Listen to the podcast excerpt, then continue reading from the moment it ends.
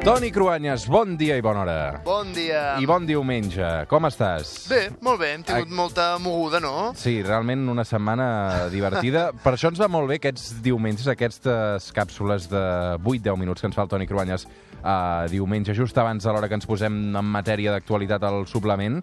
Són una finestra també per intentar desconnectar de l'actualitat, però a la vegada de relligar-la amb la història. I amb el Toni eh, vam fer això, vam decidir fer això al principi de temporada i la veritat és que estem molt contents, no, Toni? Ens ho Jo passem bé. Encantat de fer aquests, uh, aquest repàs d'història vinculada a l'actualitat. vinculada a una actualitat que aquesta setmana no s'ha cansat de repetir coses com aquesta. El Departament d'Economia despenja de la seva façana el llaç blanc amb el traç vermell que hi va penjar ahir en substitució del llaç groc.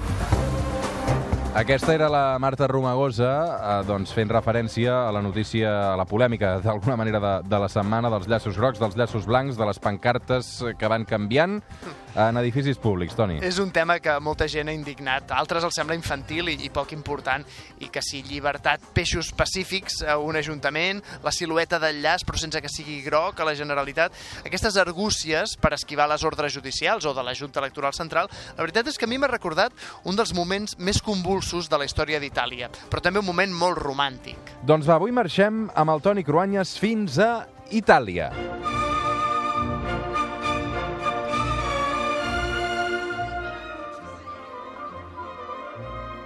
El brindis més famós de tot el món, la Traviata. Avui brindem per Verdi, Toni. Sí, visca Giuseppe Verdi, o el que és el mateix, visca el rei d'Itàlia. A veure, el rei d'Itàlia, en principi, Verdi no va ser rei, no? Eh, no, no, ara t'ho explico. Traslladem-nos a Milà entre el 1860 i el 1870. Van ser anys de gran creativitat artística, de molt tragí polític. Van ser els anys en què Giuseppe Verdi va compondre els seus grans èxits, entre els que hi havia la Traviata, que ara estem escoltant, però també molts altres, com Aida o Nabucco. L'èxit de Verdi, és clar, era per la seva capacitat musical en el país del bel canto, en el moment i en el lloc en què l'òpera va ser més popular.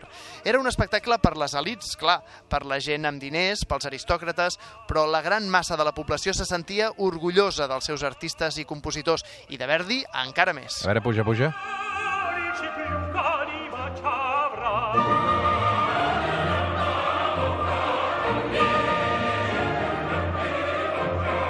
Realment, Toni, costa trepitjar aquestes peces perquè sap com greu, eh? Um, a Milà, a més a més, hi ha el Teatre de l'Escala, no? encara un dels millors del món. Sí, sí, curiosament aquell teatre el va construir per desig seu l'emperadriu Maria Teresa d'Àustria, i és que feia més d'un segle, ho hem de recordar, que Milà, la Llombardia, el nord d'Itàlia, formaven part de l'imperi austro-hongarès. Però quan arriba Giuseppe Verdi en escena, quan ja és famós, és justament quan a Itàlia bufen els aires de la unificació.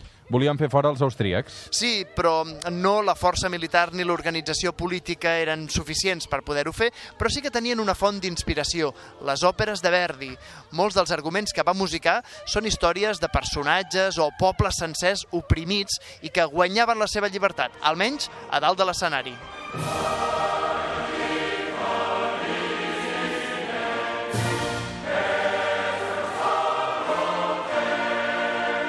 Això és un altre èxit rotund de Verdi, Aida.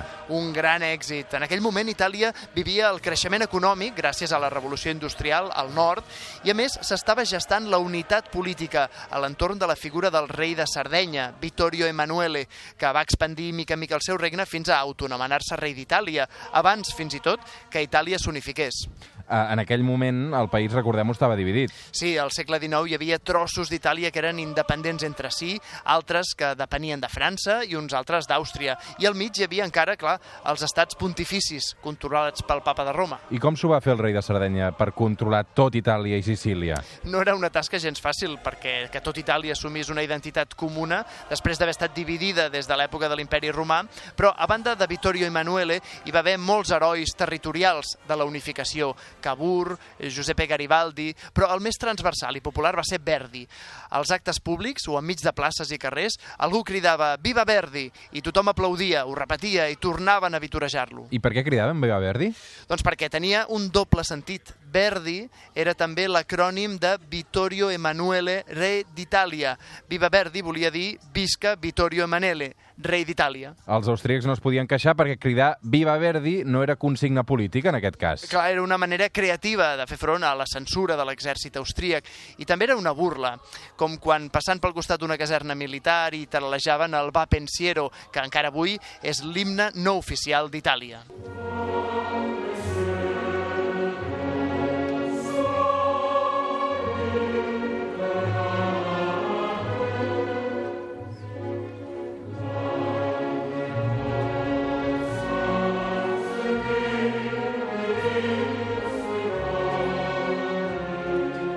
Avui ens està sortint una secció, Toni Cruanyes, digna dels homes clàssics del mestre Pardo i de l'Albert Galzeran, eh?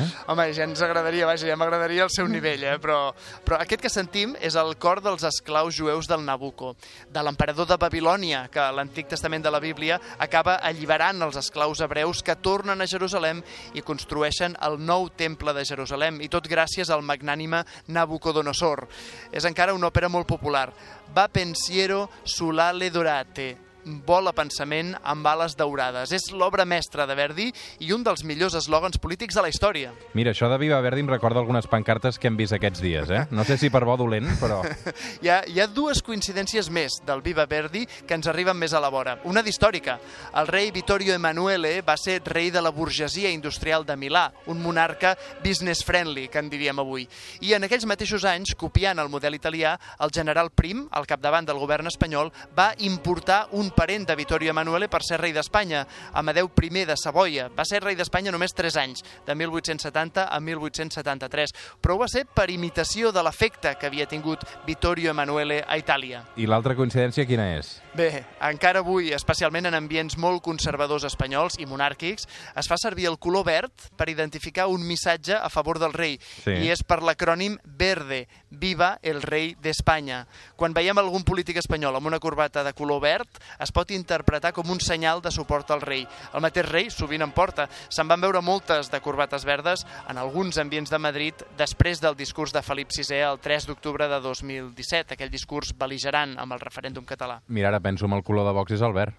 Doncs també. Mm. Uh, també haurem d'anar alerta, per tant, amb les corbates verdes, eh, Toni? Sí, de símbols, per una causa o una altra, eh, per un color o un altre, en fa servir tothom. Més obertament o menys. Va, avui posem aquesta cançó per arribar a les 9. By the rivers of